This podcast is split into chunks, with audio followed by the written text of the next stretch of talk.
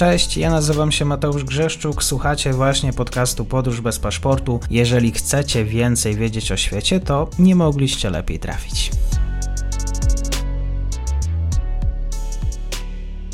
Partnerem odcinka jest Oanda, TMS Brokers, dom maklerski obecny na rynku już od ponad 20 lat. W opisie odcinka znajdziecie link do aplikacji, której możecie otworzyć konto maklerskie i grać na giełdzie, a wcześniej potrenować na koncie demonstracyjnym. Jeżeli otworzycie konto za pośrednictwem tego linku, dostaniecie na start książkę o tematyce inwestycyjnej. Zapraszam, Mateusz.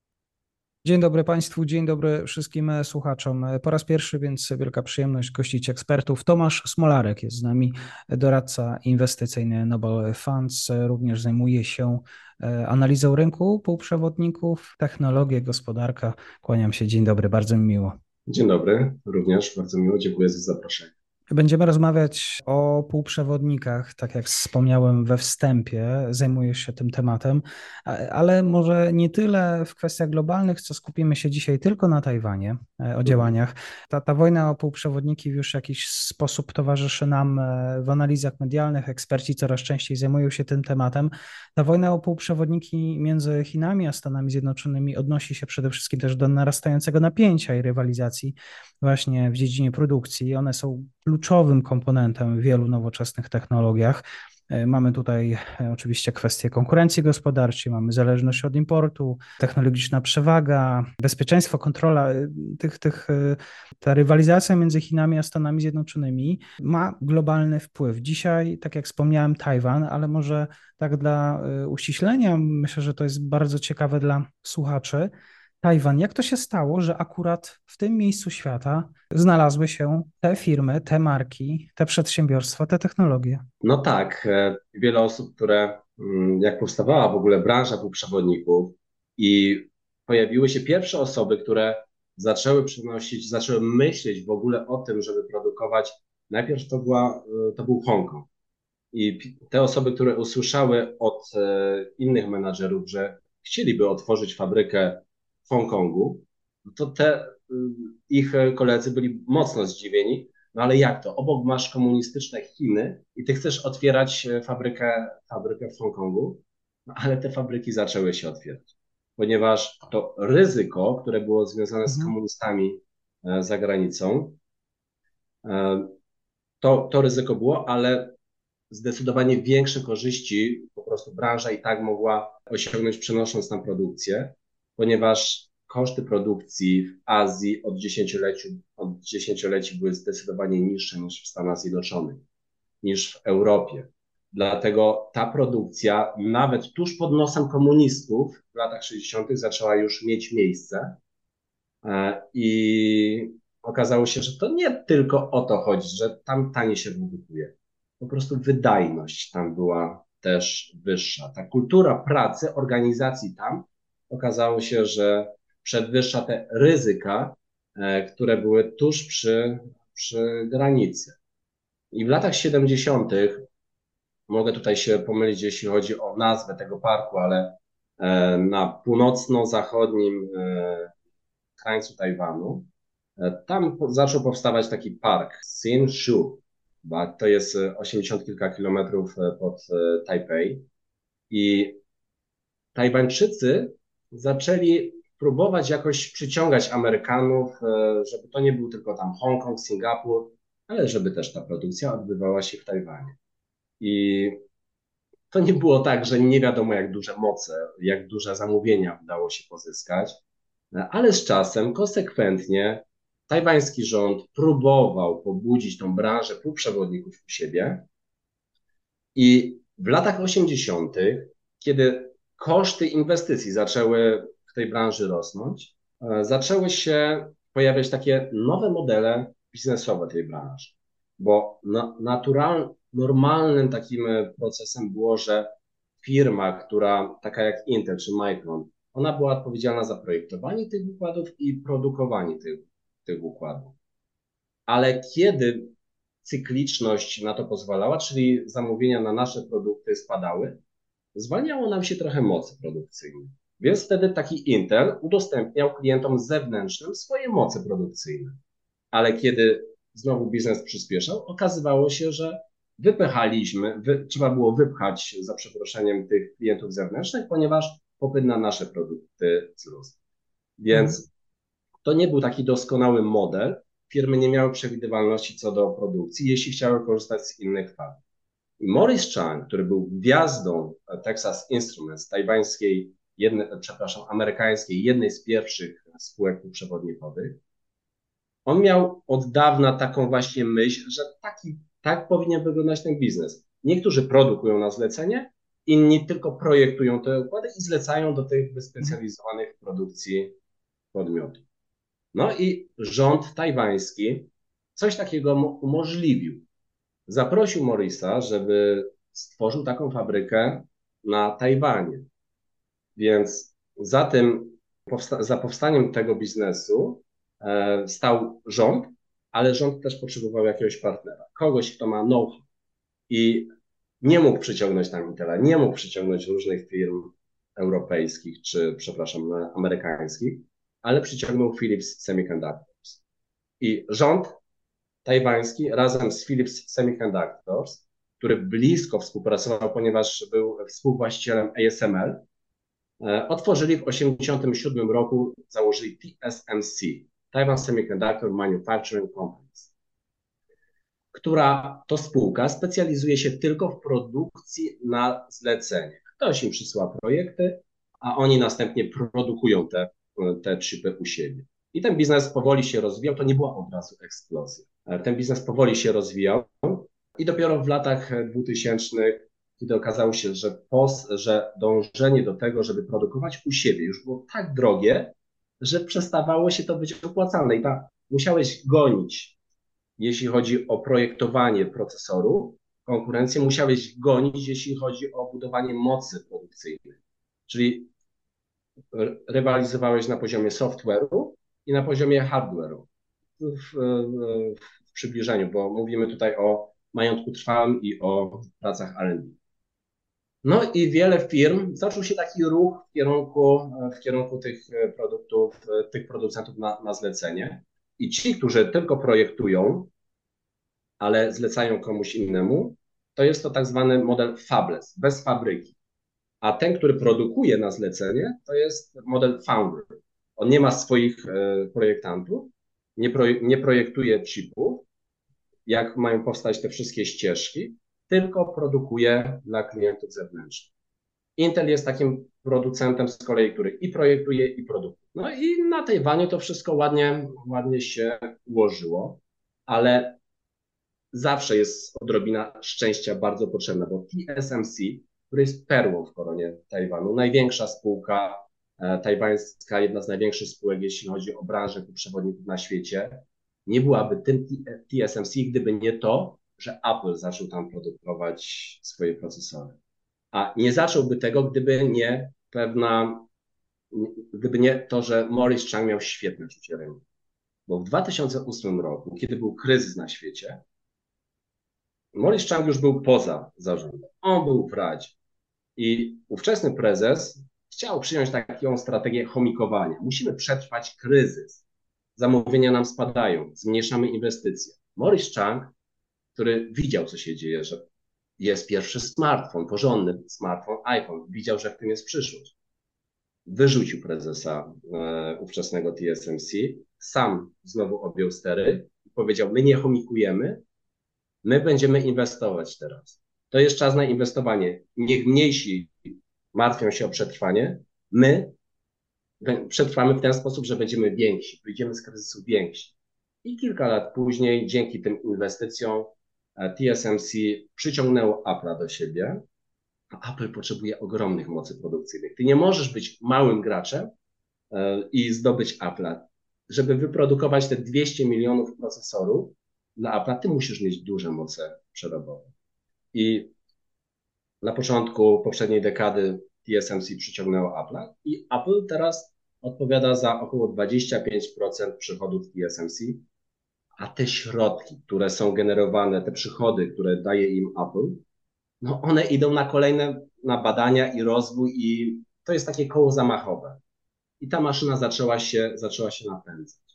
Nvidia, AMD stawały się coraz potężniejsze, im lepsze technologie miał TSMC, a TSMC miał lepsze technologie, bo klienci do niego przychodzili i to się samo nakręcało. Taiwan to nie jest oczywiście też TSMC, tam są mniejsi gracze, też mniejsze foundry, ale Taiwan to jest to taka perła, perła w koronie. Jak było z wyszkoleniem właściwie całej siły roboczej, bo Tajwan ma dostęp, y, wydaje mi się, do wykwalifikowanej właśnie kadry, y, ma doświadczenie, jest w stanie sprostać tym wymaganiom e, branży, e, ale chyba na miejscu też e, funkcjonuje dobrze rozwinięty system edukacji technicznej.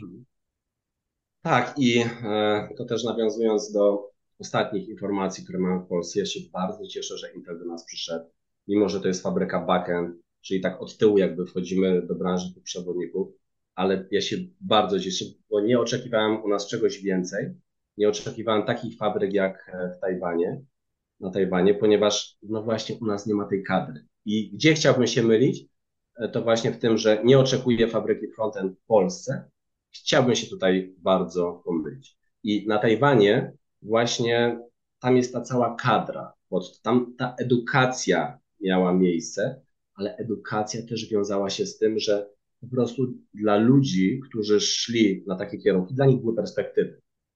Bo ten biznes tam się rodził. My musimy od czegoś zacząć. Właśnie musimy dać ludziom perspektywę, że kończąc takie studia, oni dostaną fajną pracę, bo biznes u nas powstaje.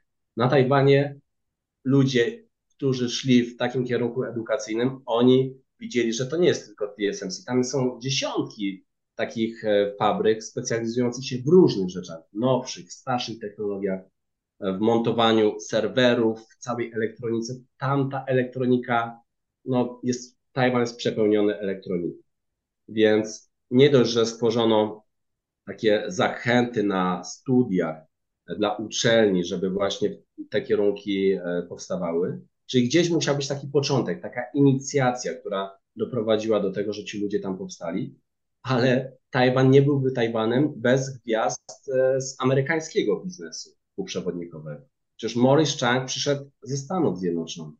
Wiele osób, które otwierało TSMC i podobne fabryki na Tajwanie, to były osoby, um, Tajwańczycy albo jacyś inni Azjaci, którzy byli często ściągnięci z Europy czy ze Stanów Zjednoczonych. Więc to była ta taka inicjacja, która następnie znowu kolejne koło zamachowe. No od czegoś trzeba zacząć, żeby ta spirala takich pozytywnych tendencji zaczęła się kręcić, więc tam to też oczywiście było bardzo ważne. Bez takiej kadry, no nie masz po co otwierać za bardzo e, fabryk, bo inaczej musisz mieć, musisz kogoś ściągnąć z zewnątrz, musisz im coś zaoferować. Teraz Chińczycy, żeby ściągnąć wykwalifikowaną kadrę, e, żeby mieć u siebie taką wykwalifikowaną kadrę, no płacą takim tajwańskim inżynierom trzy razy tyle, co mają na Tajwanie. Czyli płacą im mniej więcej tyle, e, ile się płaci w Stanach Zjednoczonych. I Tajwańczycy chętnie odwiedzają Pekin? Nie wiem, chciałbym, żeby nie, ale no kurczę, no kasa jednak pewnie wielu, wielu przemawia. Przy czym to nie jest tylko tak, że chodzi tylko o, o środki finansowe. No, musisz mieć technologię do produkcji. Dlatego w Chinach mogą być inżynierowie, ale oni mogą nie mieć maszyn, żeby produkować coś takiego jak na Tajwanie, bo e, Chiny są objęte restrykcjami tak, amerykańskimi. Nie mogą budować tych takich zaawansowanych fabryk przewodników, jakie są na Tajwanie.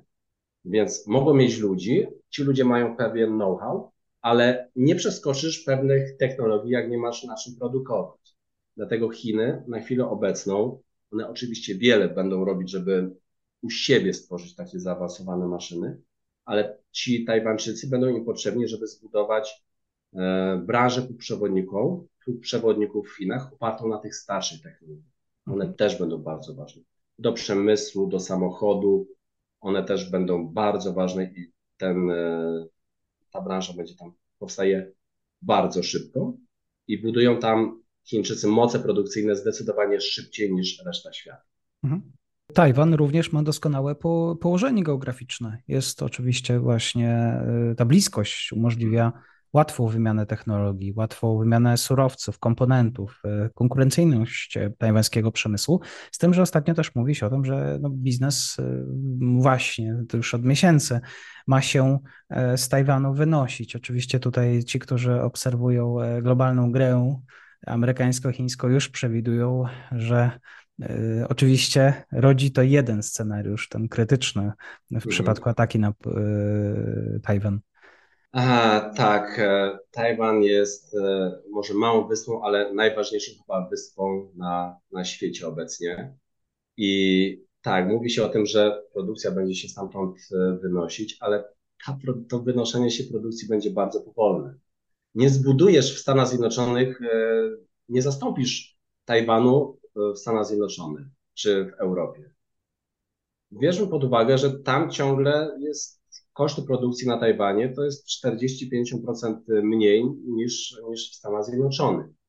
Więc e, to byłby od razu taki szok, gdyby coś, e, gdyby Tajwan w ogóle wyeliminować, czy w ogóle Azję. Dlatego moim zdaniem będzie się więcej budowało w Europie i w Stanach Zjednoczonych, ale patrząc na projekty inwestycyjne TSMC, które zaczyna inwestować w Stanach Zjednoczonych, stawia tam dwie fabryki, E, no to do końca tej dekady może maksymalnie kilkanaście procent mocy produkcyjnych e, TSMC będzie w Stanach Zjednoczonych. Maksymalnie kilkanaście procent. Ciągle zdecydowana większość mocy to, będą, e, to będzie Tajwan. I trzeba wziąć pod uwagę, że tym, to TSMC to nie jest producent dla, nie wiem, Chińczyków czy dla Koreańczyków, to jest producent dla Amerykanów. Ktoś nawet jakiś taki pomysł miał, żeby nazwać to nie Taiwan Semiconductor Company, e, Manufacturing Company, tylko American, ponieważ dwie trzecie przychodów TSMC jest generowane przez podmioty amerykańskie. A jak popatrzymy na te wiodące technologie, e, poniżej 5 nanometrów i niżej, to jest ponad 80% przychodów z tych technologii e, jest, pochodzi właśnie od spółek amerykańskich. I to są te największe spółki świata.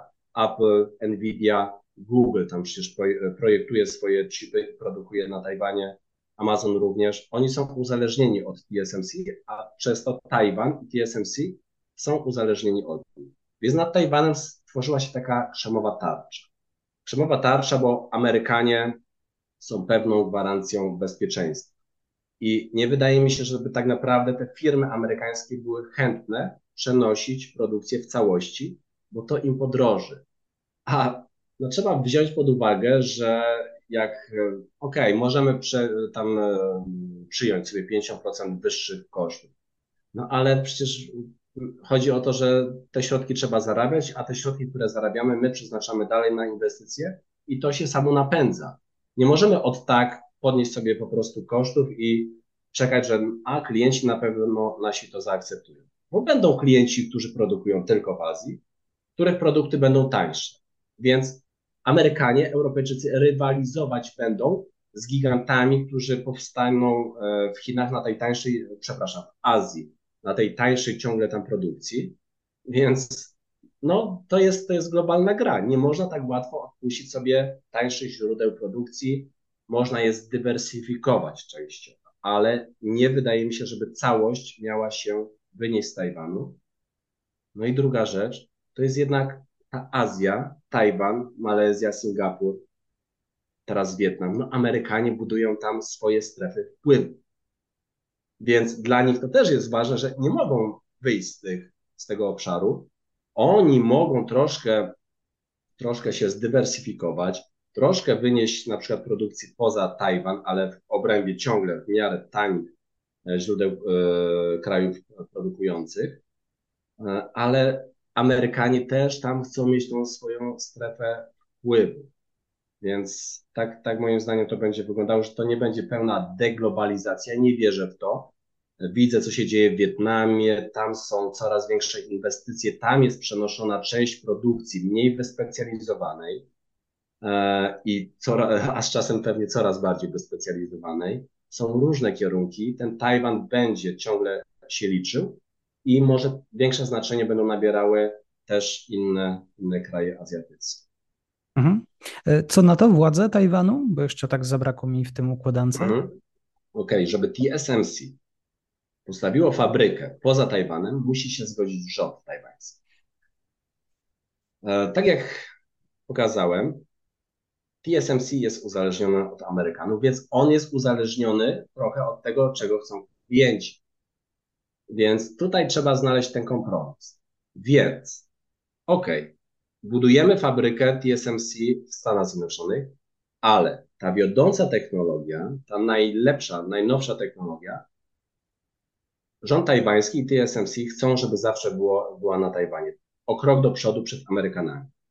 W przyszłym roku w Stanach Zjednoczonych będzie otwarta fabryka, która będzie oparta na technologii 5 nanometrów. Na Tajwanie wówczas będzie produkcja w technologii 3 nanometrów.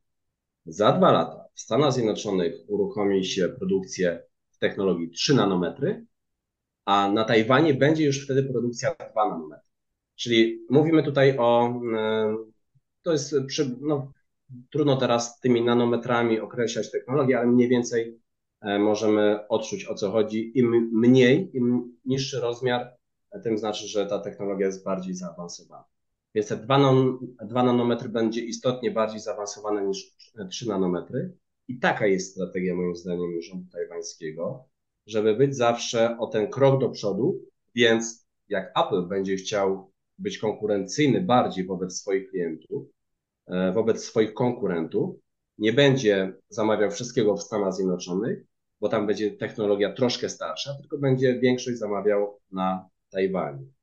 Ale wiele firm spokojnie będzie mogło zamawiać na troszkę starszych technologii i ciągle mieć świetne produkty, więc będą korzystać e, z tego, co jest, e, co się produkuje w Stanach Zjednoczonych. I trzeba wziąć pod uwagę, że mamy produkty dedykowane konsumentowi i dedykowane jakby firmom, centrum danych te, które są dedykowane konsumentowi, czyli iPhony, PC, im zależy, żeby ta produkcja była jak najtańsza. Więc im najbardziej, najtrudniej będzie się wynieść poza, poza Tajwan i poza Azję. W centrach danych taki Amazon, Google nie patrzą oczywiście na koszty, bardzo patrzą, ale czy to będzie tam, nie wiem, per procesor 50-100 e, dolarów więcej e, na serwer, no to dla nich nie ma to aż takiego dużego znaczenia dla nich te, taka stabilność będzie miała większe znaczenie i żeby to była ciągle dobra, dobra technologia. Więc te, tym produktom konsumenckim pewnie trudno się będzie wynieść e, i pozbawić się takich tańszych e, źródeł, źródeł e, produkcji jak Tajwan. Czyli sprawa jest prosta. No, sprawa jest prosta. Ja tak zakładam, dlatego ja nie, nie uważam, żeby Chiny przeprowadziły inwazję na Tajwan, ponieważ ten co, co, co, więcej jest na Tajwanie? Na Tajwanie to, co się liczy, to jest branża półprzewodników. W momencie wejścia Chin e, na Tajwan, inwazji zbrojnej, te fabryki TSMC, one są automatycznie niszczone. To jest strategia zepsutego gniazda. Wchodzisz na zniszczony teren. Więc co więcej zyskujesz na Tajwanie, poza jakąś ambicją władzy? A, zysku, a e, osiągasz to, że jest potężna globalna recesja, E, a i Chiny czerpią z tej recesji pełnymi garściami, więc dla ich systemu politycznego, gdyby nagle dziesiątki tysięcy fabryk, e, które tracą zamówienia, zaczęło protestować, nie wiem, czy ich system polityczny by to zniósł. A mimo tego zniszczenia fabryk e, na Tajwanie, to jest taki straszak, który jest tutaj niezwykle istotny. Amerykanie, Europejczycy mogą odbudować te fabryki po pewnym czasie, ale mogą odbudować na innych obszarach, a Chiny nie, ponieważ blisko 100% rynku maszyn do produkcji przewodników to są Stany Zjednoczone plus Holandia plus Japonia plus Korea. No, przy czym Stany Zjednoczone to jest 40% tego rynku. Japonia ponad 20, blisko 30%. Europa 20% kilka. Ameryka plus sojusznicy mają sprzęt, żeby te maszyny gdziekolwiek odbudować i mm, Chiny, Chiny na chwilę obecną tego nie mają. Więc to jest taki straszak, który mi w miarę spokojnie e, pozwala zasnąć, bo nawet, e, bo nie uważam, żeby właśnie można było przenieść całą produkcję z Tajwanu. E, jest, byłoby to zbyt drogie i wymagałoby to pewnie kilkunastu lat Więc dobrze, że jest jeszcze ten taki właśnie straszak, który moim zdaniem uniemożliwia jakby Chinom mm, zdroworozsądkowo uniemożliwia tak naprawdę taką inwazję na Tajwan, a nawet jakąś blokadę, blokadę Tajwanu. Więc wolałbym, niech tam się to produkuje, może w innych krajach Azji również, troszkę niech się dywersyfikuje Europa i Stany Zjednoczone, e, ale, ale wydaje mi się, że ten straszak jest e, zbyt straszny tak naprawdę dla Chin w postaci zniszczenia fabryk i pozostawienia pustej ziemi zniszczonej na Tajwanie, żeby Chiny się miały czegoś takiego podejmować. Mhm. Czyli spokojny sen e, Tomasza Smolarka, który dzisiaj gościł na kanale. Po raz pierwszy bardzo dziękuję, kłaniam się, do usłyszenia. Dziękuję bardzo, do usłyszenia. I to już koniec na dzisiaj. Zapraszam na profil podcastu Podróż bez paszportu na Facebooku, Instagramie i Twitterze. Zachęcam też do wsparcia mojej pracy na serwisie Patronite oraz Buy Coffee. Do usłyszenia.